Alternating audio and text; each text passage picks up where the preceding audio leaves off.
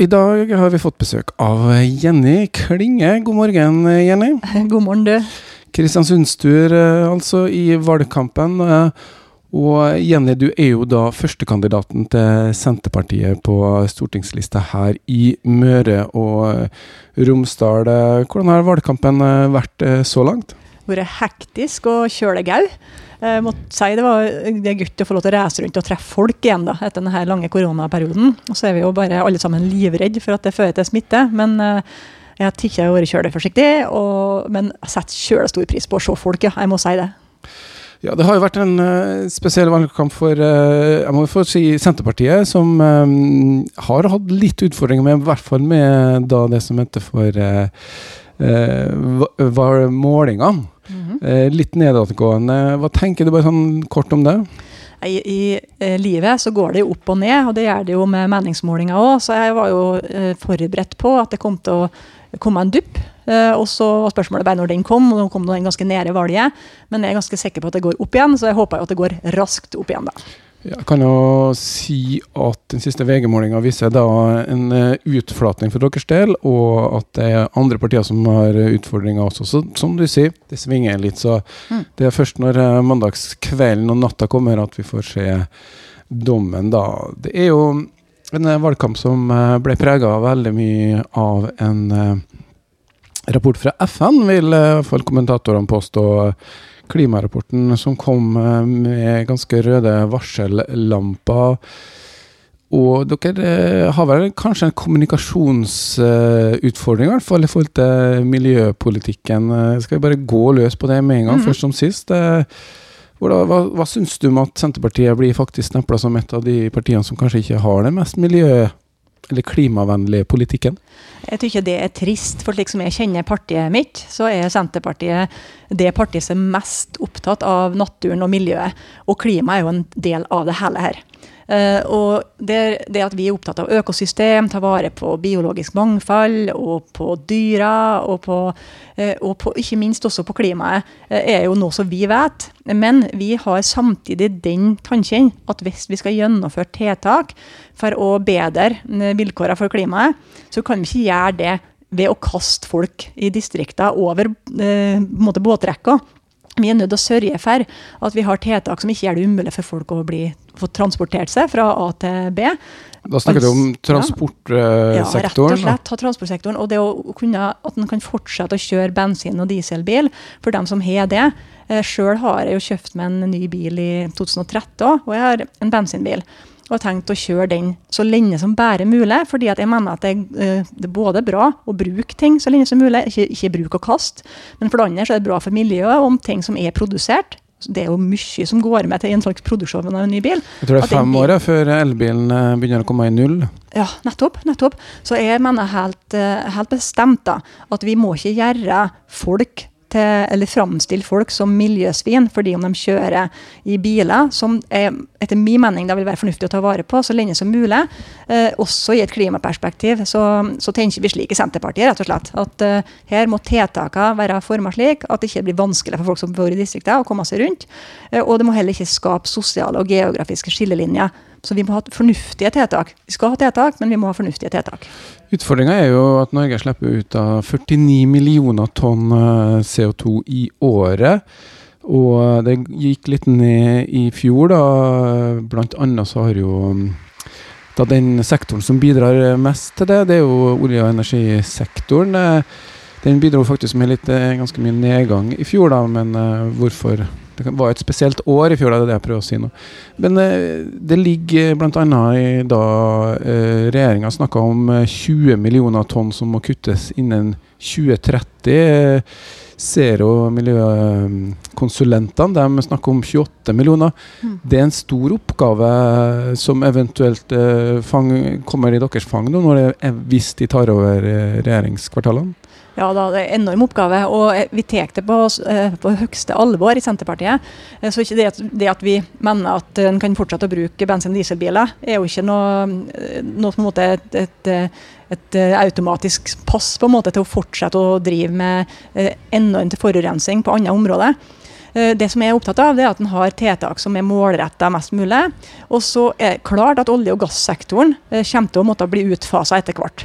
Eh, men samtidig så er det slik at andre land forurenser jo så enormt mye mer enn Norge. Det er kålkraftverk mellom andre i flere land som hvis vi slutter med vår produksjon, så vil det jo bare være kålkrafta som, som, er som erstatning for det vi produserer. Så i, vi er nødt til å se helhetlig på det, og se internasjonalt på det. Og så er det jo noe av det viktigste en gjør, det er å ha internasjonale samarbeidsavtaler om hvordan en skal, skal kutte i utslippene. Ja, men dere er jo da litt negativt til EØS-avtalen. Dere sier vel egentlig nei til den. Er ikke det en sånn internasjonal eller overnasjonal avtale som kanskje må til? Eh, for dere sier jo også at de, de støtter Parisavtalen og, og, kravene som stilles der. Eh, hvordan skal man greie det uten f.eks. EØS eller EU eller den type organisasjoner? da? Det som er spesielt med EØS-avtalen, det er at det er en overnasjonal avtale som tar fra Norge kjølig mye eh, demokratisk makt, altså på egen hånd. Nasjonal, nasjonal selvråderett blir det mye mindre av med den eh, avtalen enn rene handels- og samarbeidsavtaler. Eh, og Derfor er vi også Senterpartiet mot EØS-avtalen. Ikke fordi at vi ikke ønsker å samarbeide internasjonalt, men fordi at vi mener at den, samtalen, den samarbeidsavtalen der da, tar fra oss altfor mye nasjonal selvråderett. Det, men det som er litt uh, interessant med den avtalen, det er jo at vi er jo fristilt når det gjelder klimaspørsmål. Så er faktisk ikke vi botte av EØS. Der kan vi si hva vi mener, uavhengig av EU og EØS. Og Det har gitt oss muligheter, mellom annet når det gjelder kvikksølv, og også på andre punkt, så har det gitt oss muligheter til å ha ei egen stemme. Og vi har kunnet påvirke internasjonalt fordi vi ikke har vært botte av EØS. Men vi er jo i forhold til kvotehandel eh, og de, kvoten, de næringene hvor det er kvote, da, eh, så er vi jo med EU-samarbeid på det. Ja. Hva gjør vi da, hvis vi ikke har EØS-avtalen eller EU-samarbeidet? Mm, det er jo uh, Norge, og så er det uh, Island og Liechtenstein som har denne avtalen som da inngår i, med EU, som utgjør EØS-avtalen. Eh, det er enormt mange andre land som har uh, handels- og samarbeidsavtaler med EU uten å avgi så mye nasjonal suverenitet som det Norge har gjort. Så litt mer brexit-veien dere tenker da? Ja, nei, egentlig ikke. for vi, Det som er så viktig, det er at forskjellen på oss og Storbritannia er at Storbritannia var medlem av EU. Vi har aldri vært medlem av EU, så vi trenger ikke å bryte ut av EU. Men det vi ønsker, det er å frigjøre oss fra en avtale som vi mener vi, det som Norge har en slags type husmannsånd i forhold til EØS, vi bare fortsatt, og EU, som vi mener er feil. Eh, og vi vet at det er gode alternativ til EØS-avtalen som kan tre i kraft. For det første har vi tollsamarbeid gjennom WTO og andre avtaler som trer i kraft straks eh, vi går ut av EØS, eller de er allerede i, i eh, gang.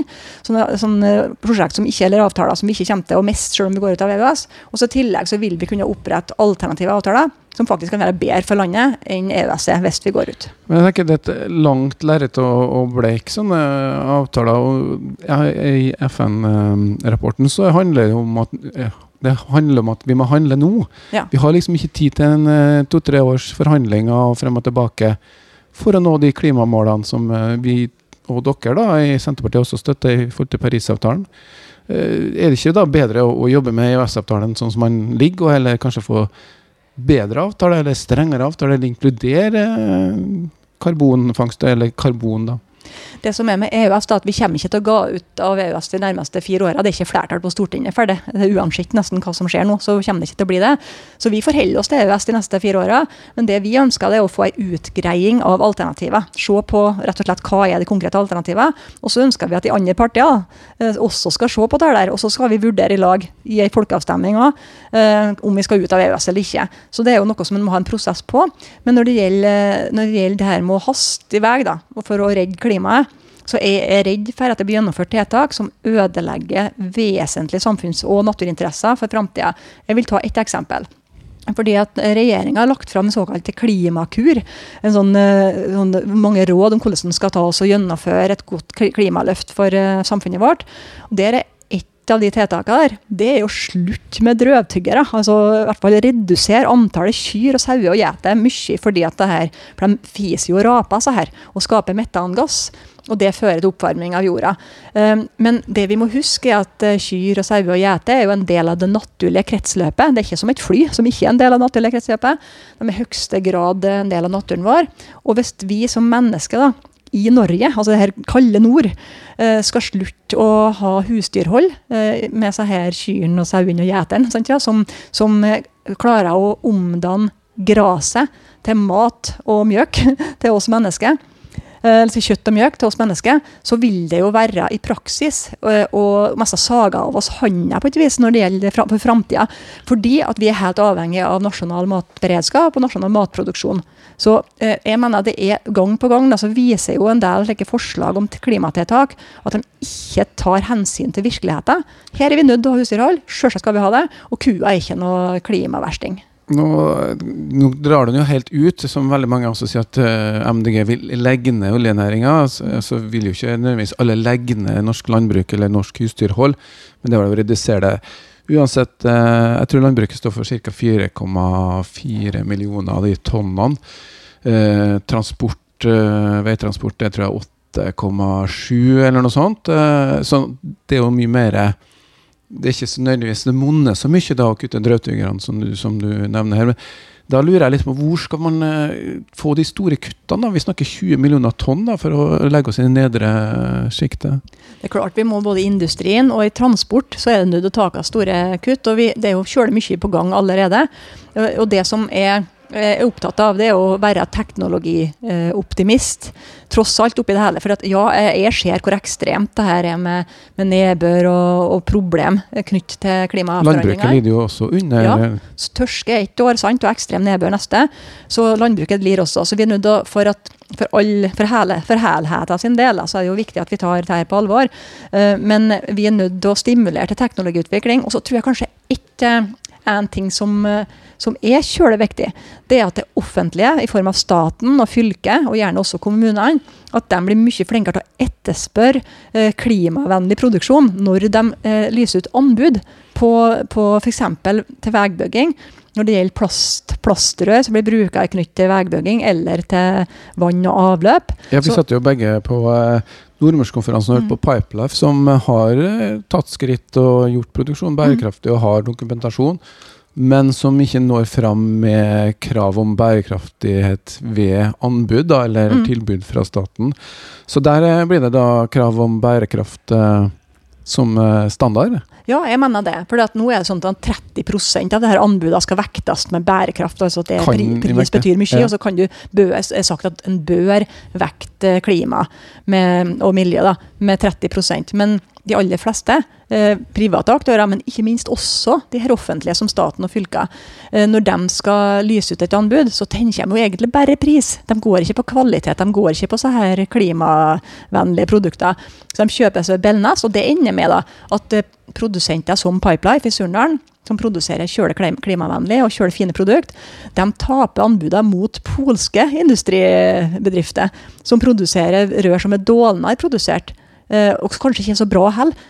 Og det er jo synd. Så det, det er jo livsløpsstandarden som Pipeline uh, trekker frem som uh, sitt fortrinn. At ok, det her er snakk om et produkt som ja, baserer seg på, på fossilt, uh, altså olje, men som kanskje har en levetid på 120 år, tror jeg ble sagt. og det er klart at hvis du bruker ressursene over lang tid, så er det kanskje positivt på den måten. Men hvor vi snakker litt om oljenæring, vi snakker industri. Der er jo store tall. Eh, og vi har f.eks. en ilmenittsmelteverk i Tyssedal som slipper ut 10 eh, millioner tonn. Det kan ikke stemme. Nei, 300 000 tonn mm. i året. Og det er jo en god del eh, biler som går inn her. Er det der vi må trøte hvis vi skal få Dere har jo snakka om karbonfangst, f.eks. Det er jo et spor som vi har prøvd i noen år uten noen suksess. Er det det som er veien? Ja, det er jo jammen ikke noe enkelt område. Og det, er jo eh, ingen tvil om at ingeniørene er det som kommer til å, mest sannsynlig til å berge verden. altså Flinke ingeniører som stiller med teknologiutvikling og produktutvikling som gjør at uh, vi faktisk går framover. Så jeg, jeg har kjølig tro på å sørge for at staten og kommunene og fylket Eh, sette mer krav til, til, miljøstandarder. Fordi at Hvis en gjør det, så vil også industrien og næringslivet rette seg etter de standardene. Og utvikle teknologi som gjør det mulig å produsere mer klimavennlig. Så jeg, jeg vil holde fast på at det er en kjølig viktig ting. da. Det blir lange dager og tidlig morgen for å rekke over alt i, i valgkampen. I dag er det onsdag, og eh, det er ikke mange dagene igjen til valget. Hva, er, hva gjør dere politikerne i siste uka? Er det hvordan ser ei uke eller en dag ut da? vi fer jo rundt som sånne kattekaller. Så vi sier Surnadal. Jeg vet ikke om det er brukt på hele Nordmøre, men det er mer som snurrebasser. sant? Så vi fer rundt som sånne små tornadoer. Alle sammen, sikkert. Og iallfall jeg. Jeg reiser kjølig mye nå. Eh, så jeg har, men jeg har, eh, målet mitt er jo å dekke hele fylket så godt som mulig i løpet av denne valgkampen. her, Og så er det jo tidlige morgener og sene kvelder og mye bedriftsbesøk som er kjølig kjekt. Um, så det, det, er aller mest kjekt, da, men innimellom så blir jeg jo litt kava. Jeg må innrømme det. da. Men det er viktig siste uka. Folk er ganske seine med å bestemme seg i valget? Ja, de er jo det. For det er jo sagt at det er kjølig mange som har forhåndsstemt, men det er jo ikke så mange tross alt. Så det er utrolig mange som er igjen. Så jeg, jeg, ser det som viktig å ferde rundt og tale med folk, da, og, og selvsagt prøve å komme i media så mye som mulig nå, slik at vi er synlige. Senterpartiet er så synlige som mulig. Ja, Vi skal ikke snakke så mye om konstellasjoner før de er der, men uh, det er jo vært uh, diskusjon om uh, hvem skal samarbeide med hvem. da, Men det tydeligste er jo i hvert fall at Senterpartiet og Arbeiderpartiet skal samarbeide. Og så er spørsmålet da Kommer MDG over eller under? Hvor blir Rødt? Diskuterer dere sånne ting nå? Eh, kjøler lite egentlig akkurat nå, fordi at vi er så opptatt av å vinne dette valget og få til et regjeringsskifte. Vi har jo sett at regjeringa vi har hatt, som har vært i åtte år, har jo sentralisert så store deler av det norske samfunnet at vi er bare opptatt av å få komme i regjeringsposisjon og få gjort noe med til det der. Så vi er nok ikke så opptatt av konstellasjonene konstellasjoner nå, nei. Aller mest opptatt av å få mest mulig stemmer, slik at vi får gjort noe. Men de er jo avhengige da av eh, noen støttepartier, ser det i hvert fall de siste målingene, ut som at det må bli. Men distriktskampen, eller sentraliseringen du nevnte, det, har jo vært liksom vinden som har gjort at eh, Senterpartiet annet er veldig stort i Nord-Norge, og ikke minst her i Kristiansund eh, og på Nordmøre. Hva er det de har tenkt å gjøre når de kommer i posisjon? Nå er det å reversere alt som er vedtatt. Eh, vi snakker sykehus, politi, brann, eh, kommunereformer, fylkessammensetninger. Hvor går vi der? Ja, Det kan du spørre om. Jeg er litt opptatt av å ikke bruke dette ordet reversere for mye. fordi eh, jeg har lyst til å kalle det å rette opp igjen rette opp igjen ting som har skjedd feil de siste åtte åra. Det har vi absolutt tenkt å gjøre på flere felt. Det er ikke alt vi får til, men når det gjelder f.eks. politi, så ønsker vi å gjenopprette lensmannskontor og tilføre mer ressurser til dem som har tapa. Det er jo gjenoppretting. Og så ønsker vi at Kristiansund skal få tilbake tingretten sin. Fordi at tingretten i Kristiansund er faktisk nedlagt nå. Det er bare en rettsstad under Ålesund som finnes der, og vi har ikke lenger en egen sorenskriver, en egen domstolleier i Kristiansund. Så det er jo en av de, de tydelige grepene vi vil ta, da, det er jo at vi vil rette opp at denne domstolstrukturen som eh, ble endra bare nylig. Lensmann og prest og eh, borgermesteren i fremmeste i toget. Nå har vi ikke politimester lenger i Kristiansund heller. I hvert fall eh, sånn plassert. Der, eh, du snakker, sier også lensmann. Du liker ikke politistasjonssjef, da? Nei, jeg gjør ikke det. Jo, vi har jo hatt politistasjonssjefer hele tida, for det var jo politistasjoner i de store byene ofte, alle byene. Men de aller fleste kontorene til politiet har jo vært lensmannskontor. Eh, og det som er, det er 800 år den har vært denne lensmannstittelen. Så det er et historisk godt norsk ord som kan bety en kvinnelig eh, politisjef så like godt som en mannlig, fordi at ordet mann ikke bare betyr kar. Det betyr også menneske, slik rent eh, språkhistorisk, og det gjør det når de sier nordmann og landsmann og så videre. Men det er jo et forsøk på å faktisk gjøre kvinne og mann likestilt, da det er jo så, også det engelske språket. Man er jo også samme. Det er jo et forsøk på faktisk eh, likestilling, da. Det er et eh, desperat forsøk på det, men jeg mener jo at det er ganske misforstått. fordi at når en vet at mann faktisk da kan like så godt bety menneske, og vi sier jo landsmann, nye landsmenn, nordmann osv., og, og jeg som kvinnfolk da, ville ikke sjøl hatt noe problem med å bli ansatt som lensmann. Jeg har jo sett flere kvinnelige lensmenn da, som har uttalt det samme, at de syns det er trist at det ordet forsvinner, fordi det har gode historiske røtter. Det er et norsk ord. Eh, og vi ser jo i kommunene òg. Der har jo eh, rådmann blitt til kommunedirektør, som om en direktør skal være mer kvinnelig enn en, en rådmann. Eh, direktør er jo like mye et eh, hannkjønnsord, men det er jo i tillegg et, eh, et fremmedord. Så vi tar jo kaster norske begrep på båten til fordel for utenlandske, og det liker jeg ikke. Konnotasjoner og denotasjoner kunne vi snakka litt om, og hva faktisk ord gjør og betyr. Vi skal ikke gjøre det her, men uh, vi slår fast det. Lensmann er, lensmann er noe som Jenny Klinge har sjansen for. Men det er jo funksjonene som vi snakker om her nå, da, først og fremst. Uh, sykehus, uh, du nevnte politi. Hva gjør vi i sykehussituasjonen i forhold til Nå er det vel slik at Lundteigen og Kjersti Toppe var ganske tydelige på at eh, vi skal ha fødeavdeling i Kristiansund? Ja, vi er tydelige på det i Senterpartiet. Og Kjersti Toppe er jo vår helsepolitiske talsperson, så det er naturlig at det er hun som eh, har eh, tala mest om det her. Men det vi er helt enige om i partiet, det er jo at vi skal ha Ja, vi, vi går inn for at fellessykehuset på Hjelset, eller nye sykehuset på Hjelset, skal bli flott og, og fint. Men vi ønsker i tillegg å opprettholde et avdelingssykehus i Kristiansund som har føde og akuttfunksjoner eh, og en del andre funksjoner. Eh, som gjør at en har denne nærheten til den viktige, viktige føde- og akuttilbudet som, som trengs. Men det er jo ikke behov for eh, Vi snakker sykehus her nå, ja, men det er ikke behov for å effektivisere. Altså, vi har jo en utfordring med kompetanse i kommunene å skaffe fagfolk. Enten det er innenfor psykiatri eller mm. psykologi eller sykepleiere eller det som er på kommunene. Er det ikke av og til lurt å slå sammen uh, funksjoner? Jo, somtid kan det faktisk være det. Eh, og det kan jo være ÅPF her i en del situasjoner. Men det som er så viktig i denne saken, her, da, det er å peke på at eh, Bent Høie som helseminister har jo ikke gjort jobben sin over tid i å sørge for rekruttering til, til fødeavdelingene eh, rundt omkring i hele landet. Så det er ikke noe som er problematisk bare for Molde og for Kristiansund sin del, men det er et problem overalt. Eh, og det er klart at Jeg forstår jo at det ikke bare er å knipse i fingrene, så har vi det problemet lest. Men med ei regjering med Senterpartiet som en del av den, så vil vi gjøre alt vi kan for å sørge for at denne situasjonen her blir mye bedre enn i dag, og at det skal være mulig på lang sikt, altså fra, fra så fort som mulig, da, og, og, i inni evigheten ha en fødeakuttavdeling ved et eh, avdelingssykehus i Kristiansund sykehus uh, vil jo si at det kom en litt omkamp der, for det var jo ganske stor støtte til politisk, i hvert fall, i forhold til å vedta fellessykehus. Det har jo både Arbeiderpartiet og Høyre og hva var det ikke Senterpartiet med på den fellessykehussporet? Bakgrunnen var jo at ordførerne på Nordmøre krevde et fellessykehus. vi var i utgangspunktet som parti ikke for å legge ned i Kristiansund eller i Molde. Vi ønska å opprettholde begge byene. Så det at det ble eh, et krav, gjorde jo at vi ga oss etter. altså Mange partier gjorde jo det. Sa at ok, men da hører vi på det kravet som ble.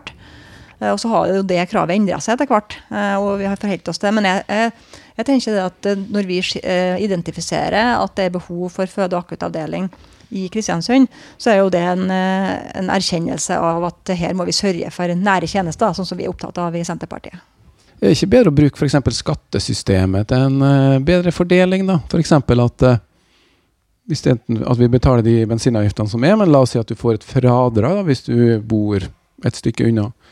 Det er mange interessante måter å gjøre ting på. For å, for å, hvis at eh, distriktspolitikk skal være hovedmålet, da, for, for en del av politikken vår, så er det helt sikkert måter å gjøre det på. Men det er en, en enkel måte da, hvis vi sørger for rimelig lave eh, bensin- og dieselpriser så vil jo det komme slå best ut for dem som har lengst avstander. for å si det slik. Altså Hvis vi har kjølig høye diesel- og bensinpriser, så vil det slå verst ut for dem som har lange avstander. Jeg tror det kjører, kjører målretta tiltak og sørger for at så her eh, drivstoffprisene blir helt, helt noenlunde lave. Men eh, vi har jo f.eks. landbruket, avgiftsfri diesel. Eh, er ikke det en bedre spor? Jeg tenker bare sånn, Hvis det koster 25 kroner per liter diesel og bensin, så er jo det å skifte over til elbil Veldig enkelt? Jo, kan jo si det, men det er ikke alle som har muligheter til det. og det er jo som, som, altså Vi bor jo i et fylke som er rimelig kaldt om vinteren, og somme har pendleravstander og må ha bilen stående lenge på visse plasser der det ikke finnes lademuligheter osv. Jeg tror det er viktig å åpne for mangfoldet. Vi mennesker er forskjellige, lever forskjellige liv, og da må det også være mulig å, å velge forskjellige biler. Selv om de eh, forurenser mer? Ja, altså, vi, vi, skal jo over i et, eh, et lågutslipps- og helst nullutslippssamfunn. Det er jo det store målet. Men eh, jeg mener jo det at en kan ikke, kan ikke påstå at en f.eks. en fem år gammel eh, Toyota RAV4, da, som jeg sjøl har. Han, min er jo sikkert blitt sju-åtte år nå. Men at det skal være så kjøle bra klimamessig og bare vrake den for at jeg skal kjøpe meg en elbil, når jeg kan ta godt vare på den og bruke den. Og ja, rett og slett eh, ha en sånn mentalitet som handler om ikke å bruke og kaste, men å ta vare på. Eh, jeg mener at en må ikke slippe den tanken, sjøl om en er opptatt av klimaet. Men det er jo sånn eh, tanke om at vi kjører til jobb som ligger bak det her at du skal pendle, f.eks., eller bruke verktøy i jobb. Da det var det de tenker på når de, når de ønsker å beholde dieselpriser. Men burde bør de ikke heller oppfordre til lettere jobb hjemmefra? Den biten? Absolutt. altså. Og det har jo skjedd med koronaen. Har jo egentlig løfta samfunnet vårt over i sånn hjemmekontorsamfunn for mange. da. Så det tror jeg nok blir mye mer bruka. Og så tror jeg i tillegg at det blir mye mindre reising til Oslo bare for en dag. Det er jo mange som har drevet og reist kanskje en dag i, i eller to dager i vekka for til Oslo på et møte. Men det kommer til å bli mye mindre av, for det er mulig å ta det eh, digitalt. Det er jo positivt, da. Um, så vi får bare finne en balanse der vi møtes ofte nok til at det er greit, og så får vi være hjemme så ofte som det er mulig. Sånn at du slipper å ha så mange møter på Stortinget? Ja, jeg må nok drive og herje og reise til Oslo uansett. Ja. Det, vi, også, vi er nødt til å være i salen for å stemme, også, for det er et sånt stemmesystem som gjør at vi er nødt til å være der i, i, fysisk i salen. Så det er noe så. Men jeg tror i hvert fall at en må absolutt åpne for forskjellige måter å, å arbeide på. Men jeg tror nok også på en del arbeidsplasser så er det helt vesentlig at folk faktisk samles, og at det blir et miljø. Nå er det kommunesektoren, eh, og det er snakk om eh, skatteøkninger og i hvert fall større overføringer til kommunen. Det går de til valg på. Mm. Hvordan skal de finansiere Det blir jo en økning på statsbudsjettet her. Mm, vi går inn for noe mer skatt sånn mest de høyeste inntektene, over 750 000. Eller jeg husker ikke akkurat terskelen, men det er noe der at en sørger for mer skatteinngang derifra. Eh, og så skjermer dem som, eh, som tjener minst. Eh, og så er det jo noe som kjører viktig her, det er jo at vi det er en, alternativ måte å skaffe penger til staten på, det er jo å sørge for at samfunnet er slik at næringslivet trives og utvikler seg, og at en får skatt, mer skatteinngang fordi at det blir skapt mer arbeidsplasser. Så Vi har jo en sånn helhetstankegang når det gjelder hvordan vi vil utforme politikken, og det er å sørge for Eh, at det er liv og aktivitet i hele landet. For det er naturressurser og menneskelige ressurser rundt om i hele landet som i enda større grad enn i dag kan bli tatt i bruk hvis en gir folk sjanse til å bo hvor de vil, f.eks. Ja, det er noe boligpolitikken er en viktig del av det. For eksempel, at en skal ha mulighet til å bygge seg nye hus i distrikter, ikke bare der det er knyttet et kollektivknutepunkt, men også ellers i kommunene, der, eh, der det er mer grisgrendt. fordi at mange som har lyst til å flytte tilbake for å by, har kjølig lyst til å flytte tilbake til en bestemt plass. En plass de har forelska seg til, eller den plassen de vokser opp på, og så har de lyst til å bygge hus der. Og sånn som det er nå i dag, så er det jo i klimaets navn, da, så er jo det faktisk eh, blitt umulig for mange å få bygge på de plassene der. De blir bedt om å, å bygge nært et kollektivknutepunkt, eller der det går buss jamlig. Men alle vi som bor på Nordmøre, vet jo det at buss, det er ikke noe Det er luksus, altså. Eh, det er ikke noe som fer ofte, de fleste plassene. Eh, så hvis vi skal sette sånne begrensninger på folk og boligbygging i distriktene, så vil det i hvert fall det være håpløst. Jeg holder litt på det med skatt. Eh, formuesskatt eh, er jo en diskusjon, og en del av de som de kanskje må gå i regjering med, er jo for både å øke formuesskatten og også skjerpe arveskatt. Men la oss ta formuesskatten først. da. På Nordmørskonferansen som var her nå før eh, helga så ble det nevnt eh, bl.a. for hjørnesteinsbedrifter på distriktet, da, som da får kanskje en veldig høy formuesverdsetting pga. at de har mye store fabrikker, store bygg som hvis du skulle gikk ut og solgt det, så hadde du kanskje ikke fått det. Men det kan slå litt dårlig ut eh, distriktsmessig. Det virker jo som noe god distriktspolitikk da, å forsvare formuesskatt eller øke den. Nei, formuesskatten er Personlig så mener jeg at uh, den ikke burde vært økt. Partiet mitt, altså Senterpartiet, går jo inn for ei, uh, mild økning i forhold til det som uh, Arbeiderpartiet og SV går inn for, så vidt jeg har fått med meg. Um, så, så, det er ikke noe sånn dramatisk. Absolutt ikke dramatisk økning. Uh, men formuesskatten i seg sjøl er jo noe som regjeringa har lova kjempemye på. De har jo sagt til dem at de skal bort på et tidspunkt før de kommer i regjering. De har jo ikke levert på det, det området. Så frustrasjonen fra næringslivet retter seg nok like mye mot regjeringspartiene som de gjør til de andre partiene. Men det er jo en sånn typisk særnorsk eh, skatt, da.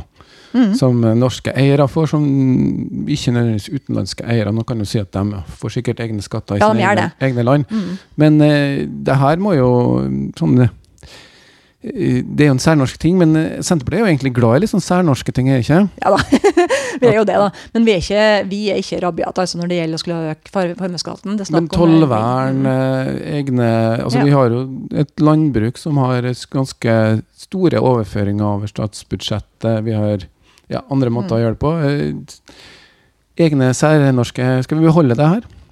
Ja, det er bra du spør om akkurat det her, for tollvern er kjølig interessant. Um, eh, vi taler jo tidligere her om kua, eh, og kua produserer mjøk. og dermed kan vi også lage ost. Og noe av det som vi har vært kjølig opptatt av, det er jo å sørge for at tollvernet gjør det mulig for norske bønder å få sært varene sine her til lands. At norske forbrukere faktisk velger norske produkt.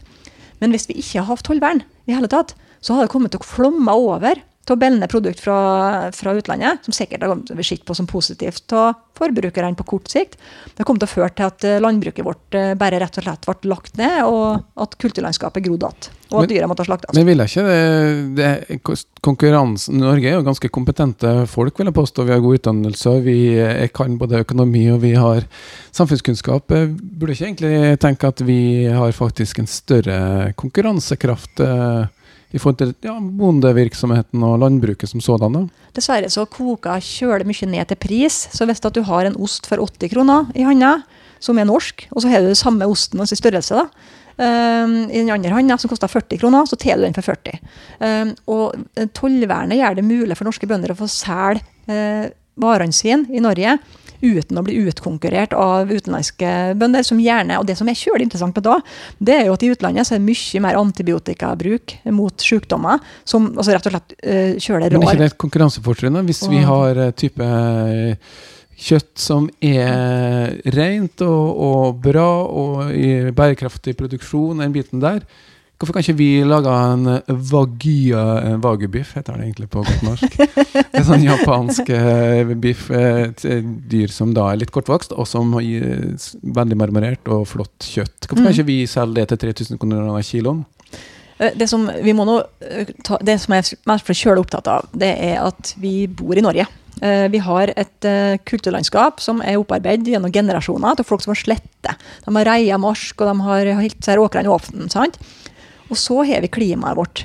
Altså Hvis vi tar det her, hva som er forskjellen på Norge og på, på Frankrike, da, så er det jo det at vi har i vintrene det er bratt, og det er vått, og det er kaldt, rett og slett, av landet her.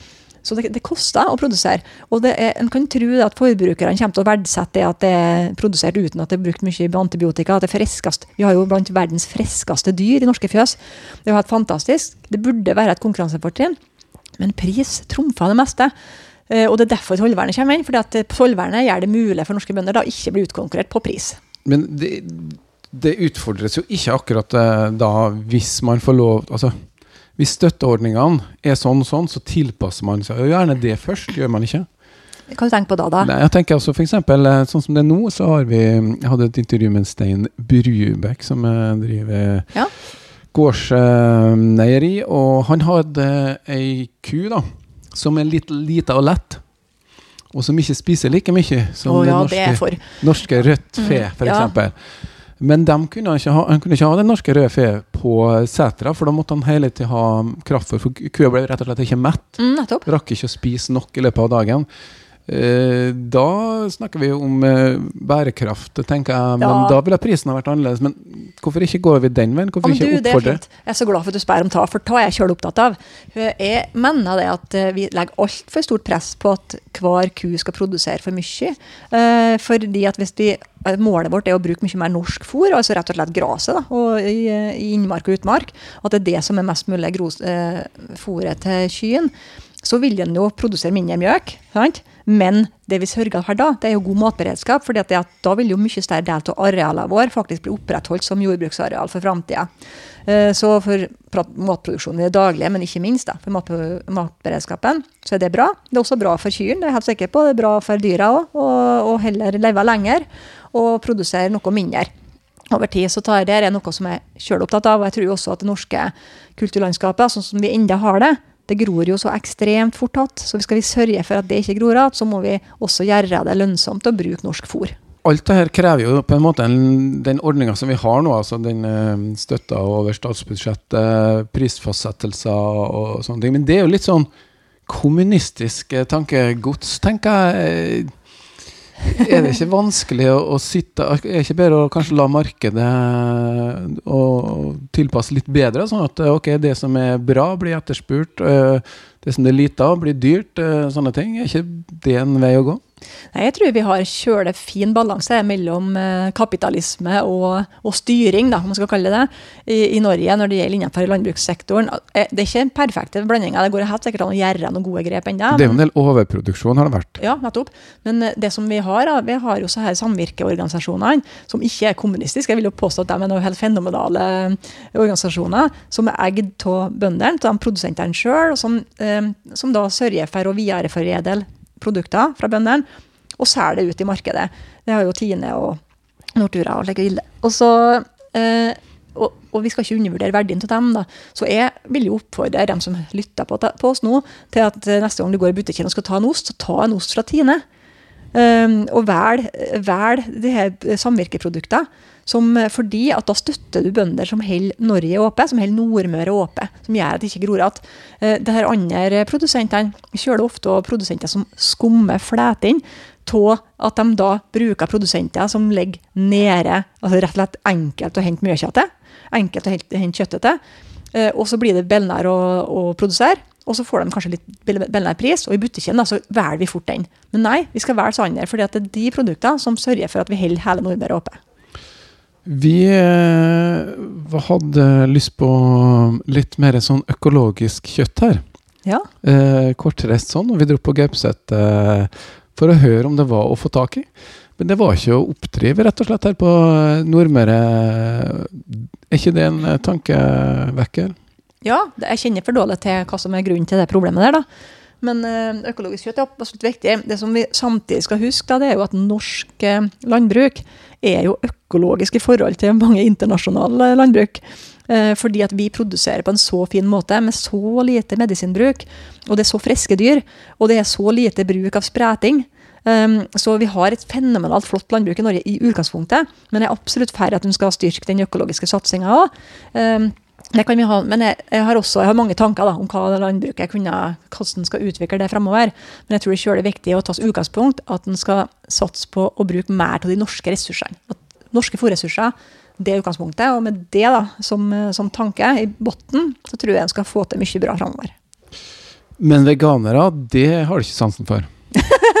jeg kan jo ha sansen for enkeltveganere, sikkert. Men det jeg har problem med, det er vegansamfunnet. Det er en organisasjon, Norsk Vegansamfunn, som går inn for at uh, alle nordmenn skal slutte å ete kjøtt og mjøk og ost. Uh, og hva blir det siste da? Uh, fisk. Fisk, ja. selvsagt. Mm. Så de, altså de, sier i alle fall da, at de mener at det er mulig at alle nordmenn kan gjøre det. og De oppfordrer jo egentlig folk til å gjøre det, for de mener at det er en kjølig viktig filosofi i bunnen her. da, Om at en ikke skal gi deg eh, animalske produkt, altså fra kjøtt eller fisk. Um, og jeg er så irritert på at det går an å påstå noe slik, når fakta tilsier at vi kommer til å måtte importere mat i, fra millioner av dekar i utlandet, produsert på millioner av dekar i utlandet, hvis vi skal klare å mette den norske befolkninga med sånn plantekost som de vil ha. Eh, så vi kommer til å rett og slett skape sultkatastrofer i eh, landet vårt i framtida, hvis vi hører på det vekkende vegansamfunnet. Og det, det, vil jeg at folk skal vite. Jeg vil at folk skal ha altså rett og slett folkeopplysning om at det her må de kjøre på. Men det er jo uh, ingen tvil om at uh, ernærings... Uh tilsier kanskje litt mer grønnsaker på tallerkenen enn det som vi har i snitt i Norge i dag. Så om du ikke tar den helt uh, ekstreme ytterkanten at vi slutter å spise kjøtt, så er det jo sunt å spise mindre kjøtt. Ja, det, det, som er sunt, er jo mangfold og variasjon. Så det vi trenger alle sammen, eller de fleste av oss, da trenger mer variasjon. Og så er jeg jo kjempe, altså jeg gitt jo f.eks. fisk, da jeg er kjøleglad til. Jeg spiser ofte fisk, og jeg spiser mye grønnsaker og, og slik. Uh, men jeg kommer jo aldri til å godta et, eh, en påstand om at eh, nordmenn skal slutte å ete kjøtt og fisk og egg og mjøk, eh, og at det skal gå an. For da kommer vi rett og slett til å sulte i framtida. Også i tillegg, det er ikke bra for oss heller. Vi altså nordmenn, som alle andre, trenger jo variert kost. Og i variert kost så inngår også kjøtt og fisk og egg og mjøk. Men en kjøttfri dag kan du tillate? Ja, absolutt. Jeg, spiser ikke kjøtt nødvendigvis hver dag, jeg heller. Men jeg syns det er helt feil å påtvinge folk en kjøttfri mandag f.eks. fast. Det syns jeg er bare rarere. rarere. Men en dag når vi får kjøpe oss en Beyond-burger eh, på hjørnet her på Kongens plass, så blir du med på en lunsj likevel, da? Hva er det for noe? det? Det er en eh, kjøttfri burger. Ja, nei, jeg, tror jeg sier nei takk, altså. altså det er så teit de kaller det burger, altså. Pølser. Liksom. Det kan du diskutere hvorfor verden ikke bare kaller det det er, men Ja. eh, ok. Greit. Jenny, du skal jo eh, selvfølgelig feire videre, og jeg håper du eh, som hører på nå, har fått i hvert fall litt mer kjennskap til Senterpartiet sin politikk. og Ideologi har vi ikke snakka så mye om, men eh, det er jo masse ideologi i alle de verdispørsmålene som vi har tatt opp her. Så eh, hva er en litt siste oppfordring til velgeren? Det er jo å sterkt vurdere Senterpartiet, fordi at eh, vi ønsker jo en ferjepolitikk som går ut på å halvere ferjeprisene jevnt over, altså i første omgang da, og så, og så ønsker vi å gjøre det gratis med ferje til Smøla, fordi det er et øysamfunn som ikke har andre alternativ.